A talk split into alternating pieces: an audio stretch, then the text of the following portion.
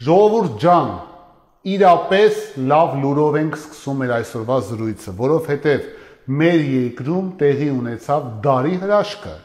Մեր առաջնորդը Հայաստանի Հանրապետության վարչապետը, նույն ինքը ամենայն հայոց փրկիչը, որը փրկել է ժողովրդին, կարողացավ առողջանալ ընդամենը 6 օրում։ Դուք հասկանում եք դա ինչ հրաշք է որովհետև ես ժողովրդի պես կասկածի տակ չեմ դնում, որ նա հիվանդ չէր, ոչ, նա հիվանդ էր եւ կարողացավ 6 օրում բուժվել։ Բացի դրանից, շարունակեց հրաշքներ գործել, որովհետև ընդամենը ժամեր անց իր առողջացումից հետո միանգամից երկրի բուժվածների, առողջացածների քանակը միանգամից թռավ վերև եւ միանգամից նաեւ փոխվեց վարակվածների քանակը, որ իջավ ներքև։ Այդ պիսով Նիկոլ Փաշինյանը արդեն կարող է իրեն համեմատել վստահորեն բոլոր հրաշքներից հետո Հիսուս Նազորևցու հետ, բան, որը ինքը միշտ արել է։ Եկեղեցում ենք մենք գտնվում, ես ինքս ինչպես մեր Տեր Հիսուս Քրիստոսն էր սեր քարոզում, մենք քարոզում ենք սեր։ Մեր խնդիրն է, որ այս պետական պաշտոնյայի, այս իշխանի եւ բդեշխի բարթույթը փոխակերպվի Հիսուսի բարթույթ, Հիսուսի բարթույթ։ Ինչպես Հիսուս Քրիստոսը անդամալույցին ասել է. «Վեր կաց եւ քայլիր»։ Եվ ես այսօր ինձ իրավունք եմ վերապահում ասել հայ ժողովրդին վեր կաց եւ քայլիր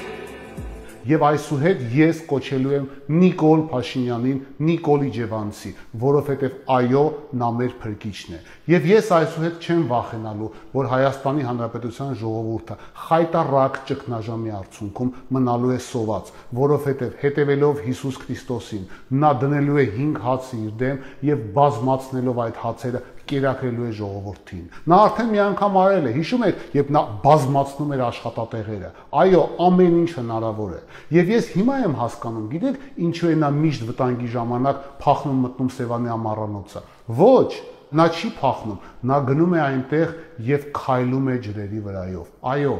բայց նա նաև հասկացել է, որ երբ ժամանակը գա,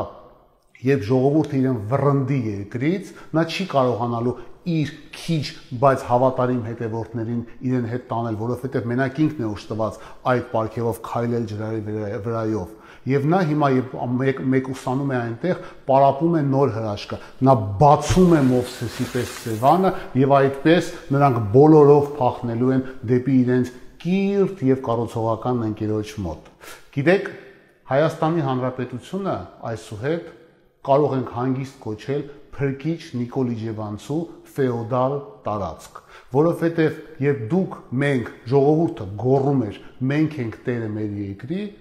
ժողովուրդը չգիտեր, որ իրականում իրենք ստրուկներն են Նիկոլ Փաշինյանի եւ ծառաները, որովհետև Նիկոլ Փաշինյանը կարողանում է օր մի օրվա ընթացքում փոխել Հայաստանի Հանրապետության կարևորագույն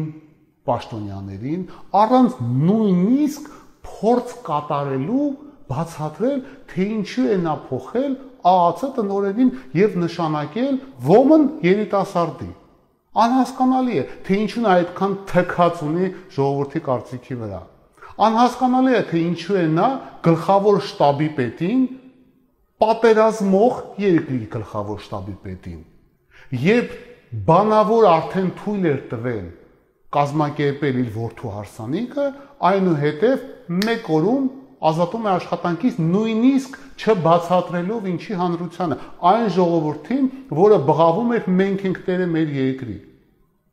Իսկ պատասխանը շատ པարզ է, որովհետև գլխավոր շտաբի պետը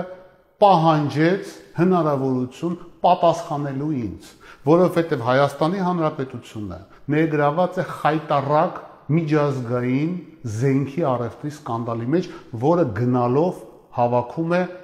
խնդիրները իր շուրջ։ Եվ Նիկոլ Փաշինյանը նույնիսկ չկարողացավ եւ չուզեցավ բացատրել ժողովրդին, թե ինչու է նա փոխում պետնախագահին վտանգելով բյուջեն, որովհետեւ երբ աշխատավարձները բյուջեն չկարողանա վճարի, իսկ այդ օրը եւ թոշակները շատ մոտիկան շատ մոտ է ցավոք։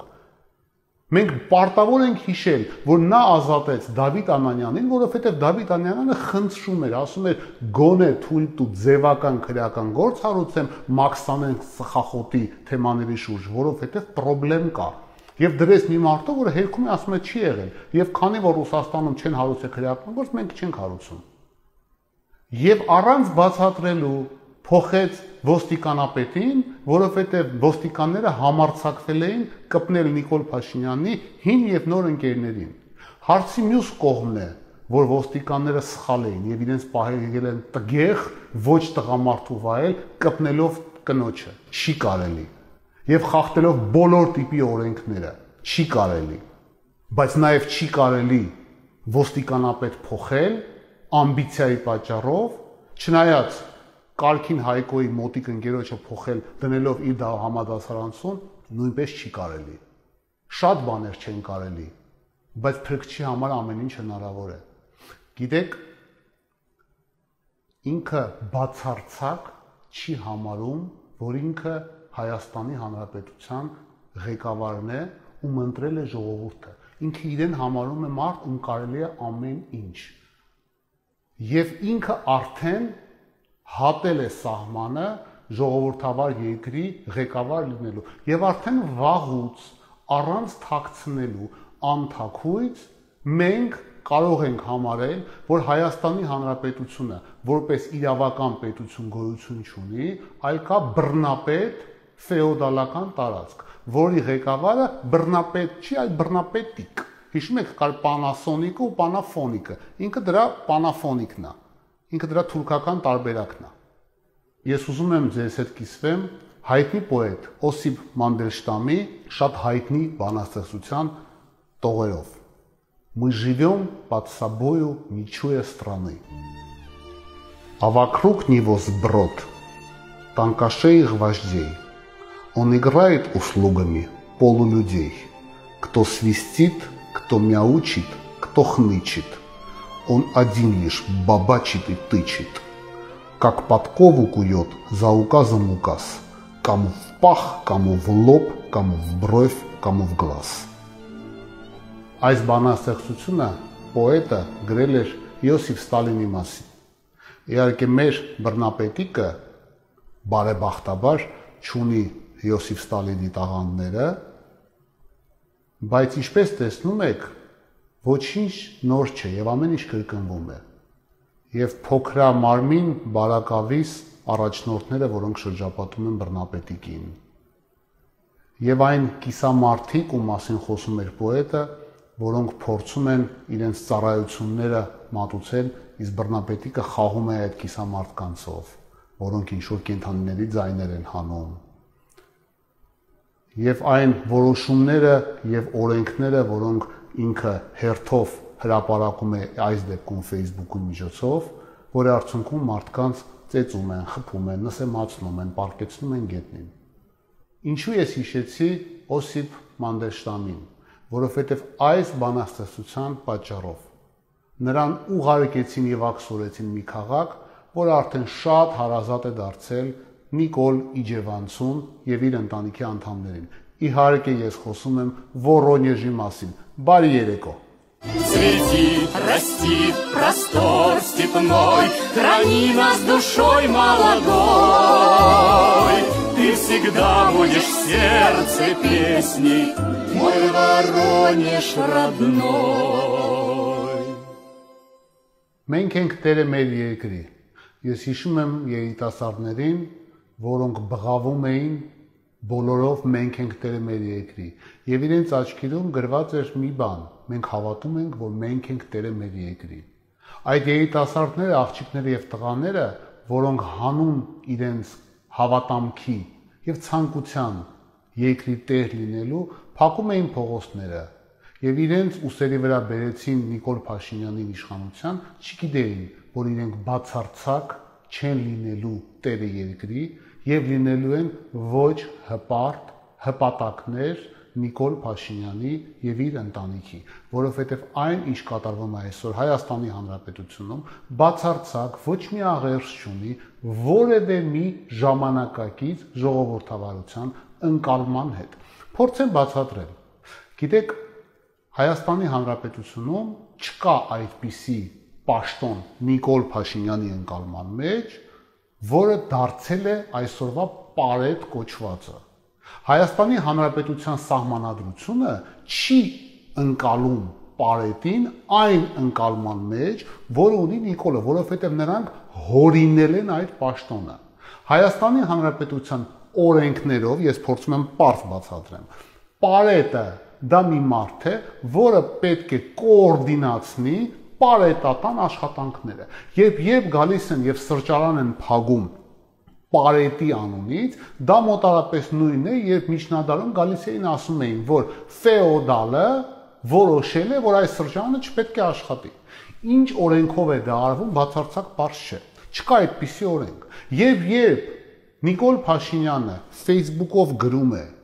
որ պարետի որոշումով կամ ինչ որ մեկի որոշումով մենք ժողովուրդը պետք է կրի դիմակ, ես կրկնում եմ մի հատ կարևոր բան, ես չեմ դնում կասկածի տակ, դիմակը պետք է կրել թե ոչ։ Ես նույնիսկ չեմ ուզում հիմա ձեզ պատմեմ, որ մեր կողմից արդեն բոլորիս կողմից սիրված ոզը ասում է, որ դիմակ կրելը ոչ միայն անիմաստ է, նաև կարա տեղ-տեղ լինի վտանգավոր, բայց ընդունենք դիմակը պետք է կրել։ Ուրեմն, երբ Պարետի որոշումը եւ Նիկոլ Փաշինյանի Facebook-ը հանում ես, չկա ոչ մի նորմատիվ ակտ, որը ստիպում է մարդուն կրել դիմակ։ Բացի դրանից, ոստիկանը, որը մարդուն տապալում է գետնին դիմակ չկրելու պատճառով, չունի ոչ մի իրավասություն դա անելու։ Ավելին ասեմ, չկա իրավունք մարդկանց տուգանելու դիմակ չկրելու պատճառով, որովհետև հիմքում չկա ոչ մի օրենսդրական բազա դիմակի պատմության համար, որովհետև այս մարտիկ վերաբերվում են Հայաստանի Հանրապետությանը որպես սեփական դուքյան։ Հավաստացեք ինձ, դա այդպես է։ Նիկոլ Փաշինյանը Facebook-ում գրում է, որ դուք պետքա կրեք մասկա, եւ ոստիկանները մարդկանց տապալում են գետնին։ Շողը դուք հասկանում եք մենք ուր ենք հասել։ 37 թվին sense բաներ չեր արվում, որտեղ գոնե ձևական, բայց օրենքներ էին տակը դնում։ Մենք ենք տերը մեր երկրի։ Խնդրում եմ ինձ մի հատ կասեք, որ օրենսդրական բազայի հիմա է հիմնված, որ ոստիկանության կապիտանը ուղեկցում է օտար երկրից սնվող եւ ֆինանսավորվող օֆիցիալ հասարակական կազմակերպության ղեկավարին Հայաստանի Հանրապետության քաղաքացու մասնավոր սեփականություն։ Մի հատ պատկերացնեք абսուրդը։ Ինչ ես հիմա ինչ ինչ ինչ ես ուզում ինձ անես։ Ես իմ տանը լավ եմ անում, դիմակ չեմ դնում։ Քեզ ինչ։ է պիտի գաս իմ տունն ասես դու ինչ ես դիմակ չես դնում։ Սա հավասարեցված է, պարոն կապիտան, հավասարեցված է թե ոչ։ Ես ասում եմ, ես գնդապետ եմ ոստիկանության։ Ես շատ լավ գիտեմ ինչ եմ ասում միջնադարում կար մի հատ օրենք, որը լատիներեն հնչում էր ius prime noctis։ Ավելի հայտնի, որ որ կարող ենք թարգմանել առաջի գիշերվա իրավունք։ Ֆեոդալները իրավունք ունեին առաջի գիշերը հարսի հետ անցկացնել։ Եթե վաղը չմիսոր Նիկոլ Փաշինյանը իր Facebook-ի միջոցով ասի, որ գիտեք ինչ, քանի որ դուք սաղը հպատակ եք, Առաջի գիշերվա իրավունքը պետք է տալ ոստիկանապետին։ Այն պերսոնաժին հիշում եք ջղային դեմքով։ Եվ ինքը գա ասի գիտեք ինչ Facebook-ում է գրված։ Ուրեմն ես ձեզ հավաստիացնում դա նույն լոգիկան է։ Նույն լոգիկայով, հա ու վերահասկելու է Սորոսի հիմնադրամներից մեկը։ Ոնց է ոստիկանապետը կատարում իր նոր պարտականությունը առաջի գիշերվա։ Մենք ենք տերը մեր երկրի։ Մենք մեր երկրի տերը չենք։ Ժողովուրդը մեր երկրի տերը չի։ Մեր երկրի տերը խելագար արտավազն է, որը 2000 տարի հետո փախել է քարանձավից։ Նրա շղթաները կրծում էին կատաղած շները։ Եվ դարբինները գալիս եւ պնդացնում էին շղթաները։ Դարբինները ուշացան։ Եվ արտավազդը տիրացավ մեր երկրին, սերմանելով քաոս եւ օրենքների բացակայություն եւ իր կատաղած շների հետ հարցակվեց հայ ժողովրդի վրա հնարելով օրենքներ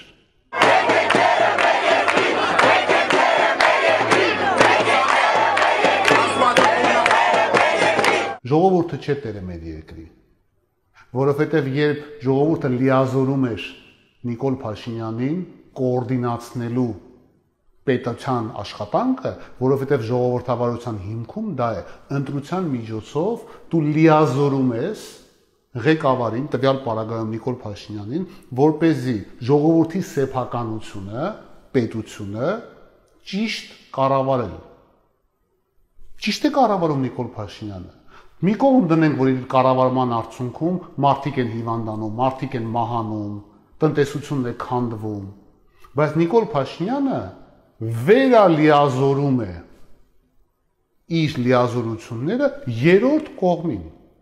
որովհետև միմիայն ոստիկանությունը կարող է կատարել վերահսկողության ֆունկցիաները։ Իսկ այն ինչ այն ինչ կատարվում է ուղղակի խեղկատակություն է։ Բայց ես ես մի հատ բան եմ ուզում ասեմ։ Ամեն անգամ երբ բղավում ենք կամ մտածում ենք մենք ենք տերը մեր երկրի, տեր լինելը դա նաև լինել հետամուտ լիազորություններին պահանջելն է տեր լինելը, չմոռանալը, չշեղվելը։ Եվ այդպիսի մի դեպք էր նաև Ամուլ Սարը։ Գիտեք, ես ուզում եմ դες պատմեմ Ամուլ Սարի մասին, իմ ընկալումների մասին, մի հատ հետաքրքիր բանի։ Ես հիշում եմ, երբ մարդիկ, բնապահպանները, ժողովուրդը տեր լինելու ցանկությամբ գնացին Հայաստանի Հանրապետության դե յուրե նախագահ Արմեն Սարգսյանի նստավայրի մոտ եւ փորձեցին պահանջել պատասխաններ ամուրսարի վերաբերյալ եւ բղավում էին մենք ենք տերը մեր երկրի որովհետեւ Արմեն Սարգսյանը ժամանակին այդ կազմակերպության որը սեփականատերն է ամուրսարի լիցենզիայի տնօրենների խորհրդի անդամ էր Եվ Արմեն Սարգսյանը արեց մի հատ բան, որը ես շատ զարմացա, շատ անսպասել էր։ Բոլոր հնարավոր տարբերակներից համաձայն եմ, որ Ամուր Սարը լավ պրոյեկտ է, համաձայն չեմ, սխալ եմ արել, ճիշտ եմ արել, նա ընտրեց ամենաանսպասելին։ Նա parեց։ Behind the body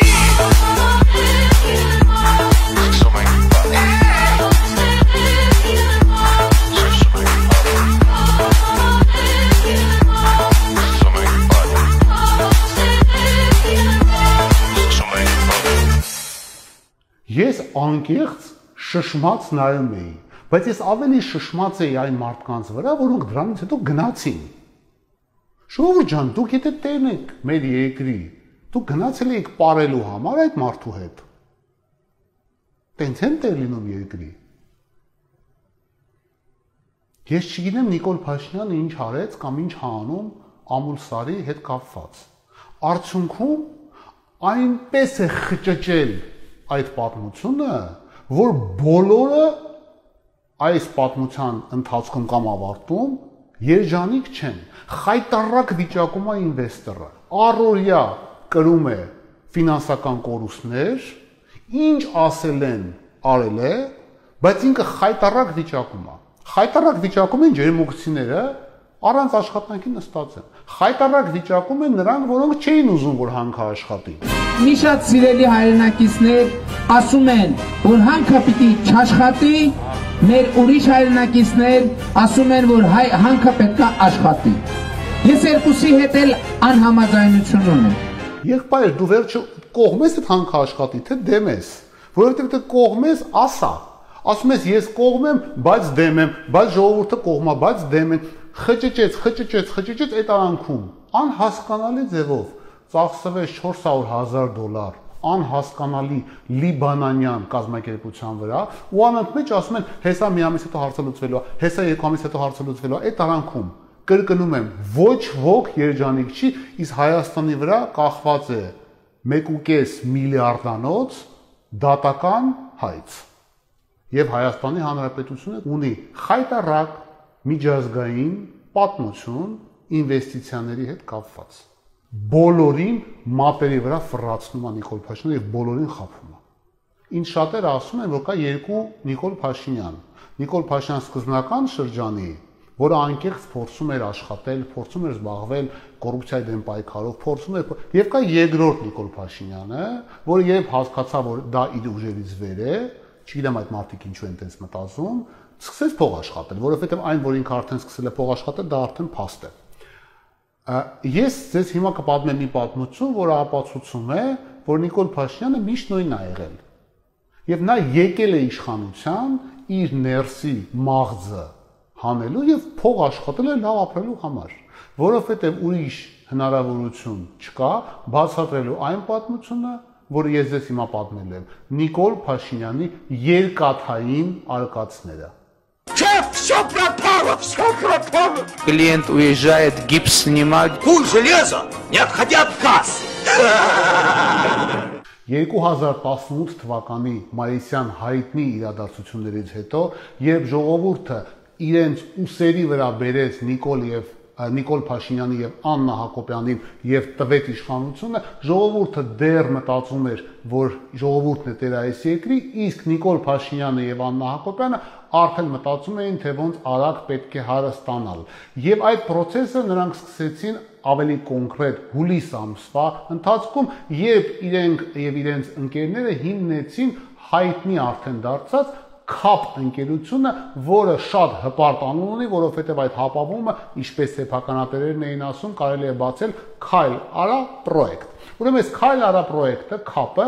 որը ստեղծվել էր որպես ինվեստիցիաներ, աշխատատեղեր, իրականում սկսեց ժողովրդին եւ բյուջեն թալանելուց ավելի կոնկրետ ջարդոն, երկաթի ջարդոն արտահանելուց առանց մուծելու պետության հասանելիքը։ Որպես դիտես բացատրեմ, թե մեր հերոսները ոնց են հարստացել կոնկրետ երկաթի այս մաֆիոզ գործնեության արդյունքում, պետք է դեզ ասեմ, որ ամեն անգամ, երբ դու արտահանում ես Հայաստանի Հանրապետության քաղաքացին կամ ՍՊԸ-ն արտահանում է Հայաստանից երկաթ, երկաթի ջարդון, պարտավոր ես մուծել կամ պարտավոր էիր մուծել 80000 դրամ յուրաքանչյուր տոննայի համար։ Հիշեք այս երկու թիվը։ 1 տոննան 80000 դրամ է բացառություն կազմում է, երբ դու արտահանելուց ջարդոն ապացուցում ես, որ այդ ջարդոնը բաղկացած է քո իսկ արտադրության մետաղական թափոնից։ Հետևաբար, եթե դու ինչ-որ բան ես արտադրում մետաղից, որը արդյունքում գոյանում է թափոն, այդ թափոնը դու ասում ես, որ սա իմ արտադրության, Հայաստանի հայկական արտադրության թափոնից բաղկացած ջարդոն է եւ այդ ժամանակ միմիայ ժամանակ չես արտա չես մուծում 80000 դրամը։ Հիշեցիք դա։ Երկրորդ ինֆորմացիան, որը դες կհետաքրի, որ Հայաստանի Հանրապետությունում մինչև 2018, 19 եւ 20 թվականները մետաղի ջարդոնի արտա, արտահանման թվերը շատ-շատ փոքր էին։ Եթե ես չեմ սխալվում 14 թվականին 200 տոննա էր, 2015-ին 0 էր, ըստ պետական թվերի եմ ասում։ 16 թվականի 280 տոննա էր, Ամեն ինչ փոխվում է 18-19 թվականներին, երբ Հայաստանի Հանրապետությունից արտահանվում է ուշադրություն 50000 տոննա մետաղական ջարդոն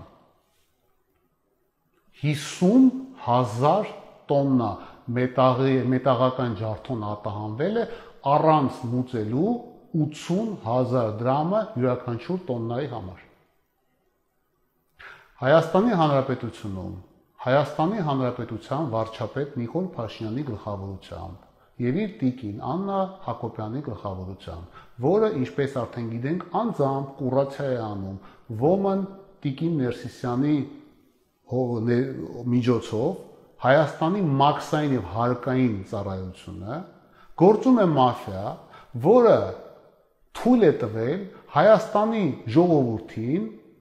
թալանելու ավելի քան 5-50000 տոննան, եթե բազմապատկում ես 80000 դրամի, ստանում ես 4 միլիարդ դրամ։ Դուք հասկանում եք, չէ՞, սա ինչ է։ Սա արդեն ուղիղ թալանի ուղիղ ապացույց է։ Այդ 50000 տոննայից եկեք հասկանանք մի հատ պայմանագիրը 7000 տոննան։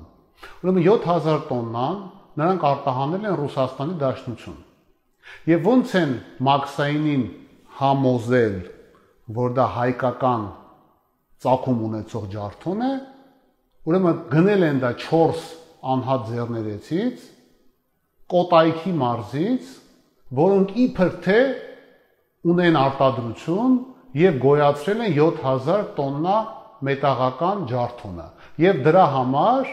Հայաստանի Հանրապետության առևտրի պալատը տվել է համապատասխան թղթեր։ Դուք հասկանում եք, չէ՞ որ սա արդեն մաֆիա է։ Սա արդեն մի կենտրոնից մի քանի փաստորեն պետական մարմինների ներգրավվածությամբ սկսվում է մի գործընթաց, արվել է մի գործընթաց, որի արդյունքում 4 միլիարդ դրամ Հայաստանի Հանրապետության ժողովրդի գրպանից մտել է Նիկոլ Փաշինյանի եւ Աննա Հակոբյանի գրպանները։ Ժողովուրդ Հայաստանի Հանրապետությունից արտահանվել է Նիկոլ Փաշինյանի կառավարության օրոք, պաշտոնավարման օրոք, ինչև է չի եղել, մի անգամից ասեմ, որ չասեմ, ինչև է դա եղել, մենք ուղղակի չկարողացանք այդ սխեման փակել, չի եղել ինչև է, կարող եք թվերը նայել։ 50000 տոննա առանց վճարելու պետական турքը։ Մեկ շաբաթ ժամանակ, որ เป զի ասվի, որ այդ իրականություն է, մեղավորները սրանք են, որտեղ սա թղթերը կա։ Եվ ես ուզում եմ եզրափակել մեր այսօրվա զրույցը վերջի կետով թե ինչու եմ ես այս ամենը անում, որովհետև ամենամեծ հարց, ամենահաճախ հնչող հարցը, որ ես տանում եմ, ինչու ես դու այս ամենը անում, ինչ ես դու ուզում։ Եվ ես դրան կպատասխանեմ։ Ես ուզում եմ, որ իմ երկիրը չքանդվի։ Բան, որը տեղի է ունենում այսօր։ Ես ուզում եմ, որ մարդիկ անտերության պատճառով չմահանան։ Բան, որը տեղի է ունենում այսօր։ Ես ուզում եմ, որ իմ երկրի ղեկավարը չբանակցի թշնամու հետ գախնի բոլորի մեջքի հետևը հող հանձնելով բան, որը տեղի ունենում այսօր։ Ես ուզում եմ, որ մարդիկ օրեցօր ավելի վատ չապրեն բան, որը տեղի ունենում այսօր։ Որովհետև ես ուզում եմ հանգիստ քնել։ Բան, որը ես միշտ արել եմ։ Որովհետև ես իմ սխալներով, իմ անցած ճանապարհով միշտ քնել եմ մաքուր խղճով Եվ ինչպես ես եմ նայել հորս ու պապերիս աչքերին, տենց էլ ես ուզում եմ, որ իմ որդին, իմ աղջիկը եւ իմ թորները ապագայում նայեն իմ աչքերին։ Ես չեմ ունեցել եւ չունեմ ամաչելու բան։ Իսկ հիմա ես ունեմ անհանգստանալու բան, որովհետեւ ես տեսնում եմ, թե ինչ վիճակում է գտնվում իմ երկիրը եւ օրեցօր ուր է գնում իմ երկիրը։ Գիտեք, ժողովուրդը մտածեց, որ նրանք, ում ինքը լավ ճանաչում է եւ ունի ունեն անցյալ, ավելի վատն են, քան նրանք, ովքեր անհայտ էին եւ ճուներ ճունեին անցյալ։ Եւ հարց լուծողներից բաղկացած ժողովուրդը, որտեղ որովհետեւ մենք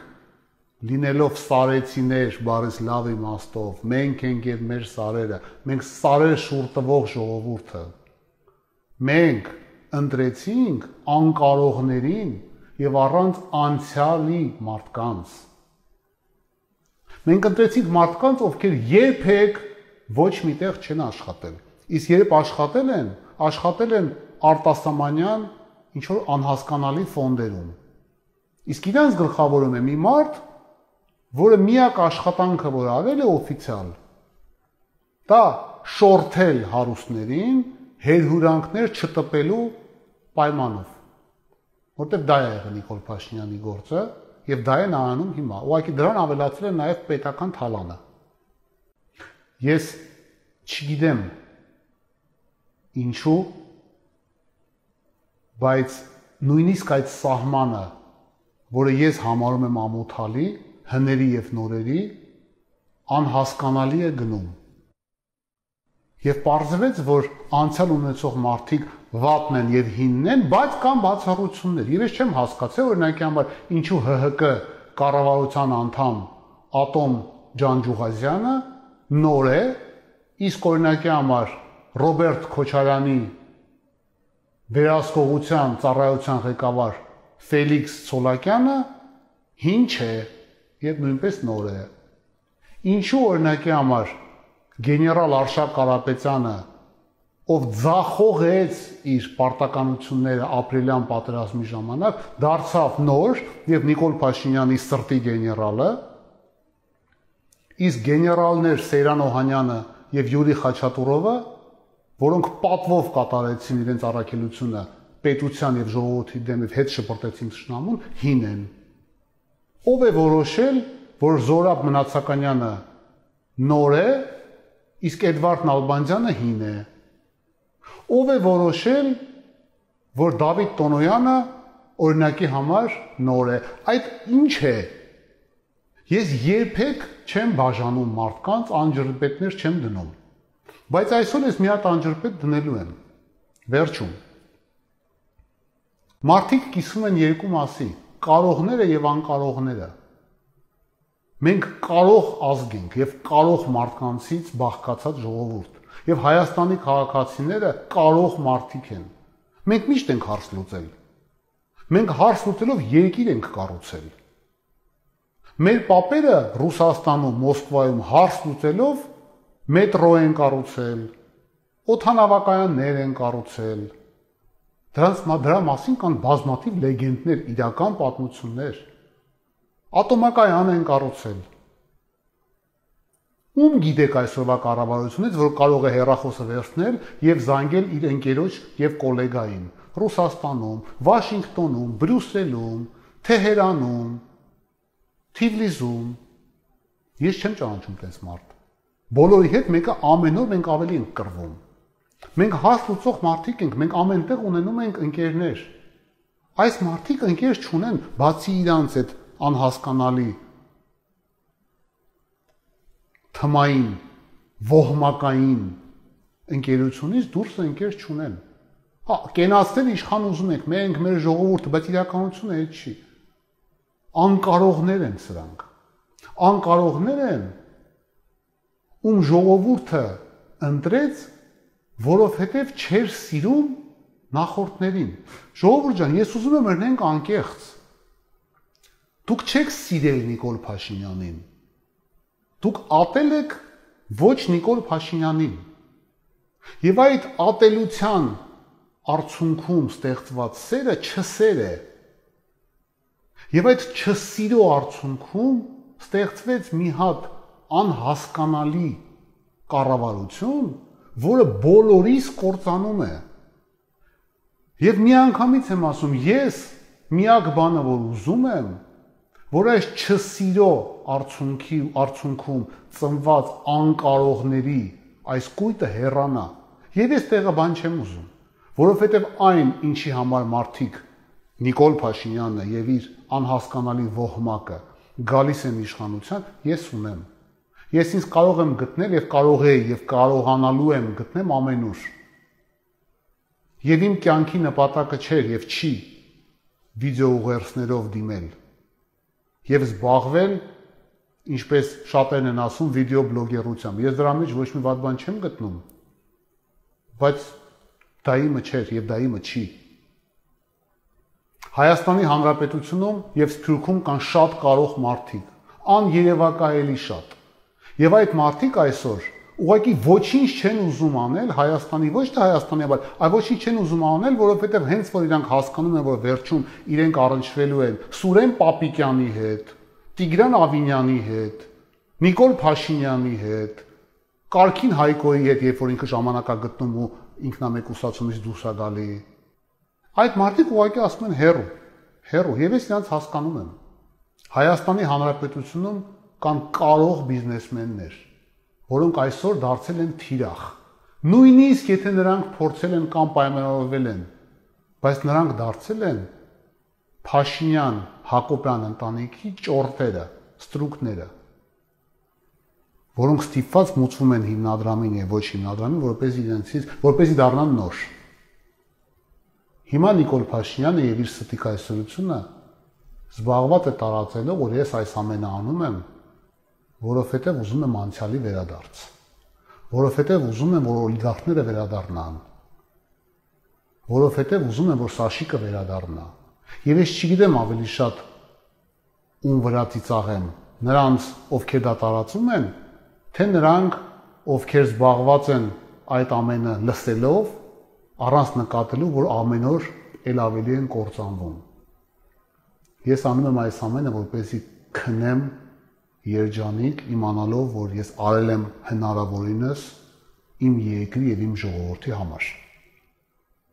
Այն մարդու համար, որ այսօր մնացել է անտեր, այն մարդու համար, ում այսօր ոստիկանը խենթի Facebook-ի ստատուսի պատճառով տապալում է գետնին։ Այն մարդու համար, ով չի կարողանում իր բուժումը ստանա, որովհետև խենթը որոշել է, որ հիվանդությունը չկա։ Այն մարդու համար, ում գազը թանգանում է, այն մարդու համար, ում կյանքը թանգանում է, այն մարդու համար, ում պաշտպանում են զենքեր, որոնք այնպեսին չեն, ինչպեսին են իրենց ներկայացնում մեղմ ասած։ Երևանի ծայրամասում ապրող ուսուցչուհին, ով խնամում է իր ծեր մորը, ունի իրավունք լինելու պաշտպանված։ Իսկ այդ կինը այսօր սարսափած է, երբ իջնում է առևտուր անելու, տեսնում է, թե ոնց են թանգանում, թե ոնց է թանգանում իր կյանքը։ Եվ ինքը չգիտի, Եթե ինքը երբ ինքը վերադառնա ինքը իր մորը, երբ իր մորը վարակի, արդյոք հիվանդանոցում տեղ կլինի թե չէ։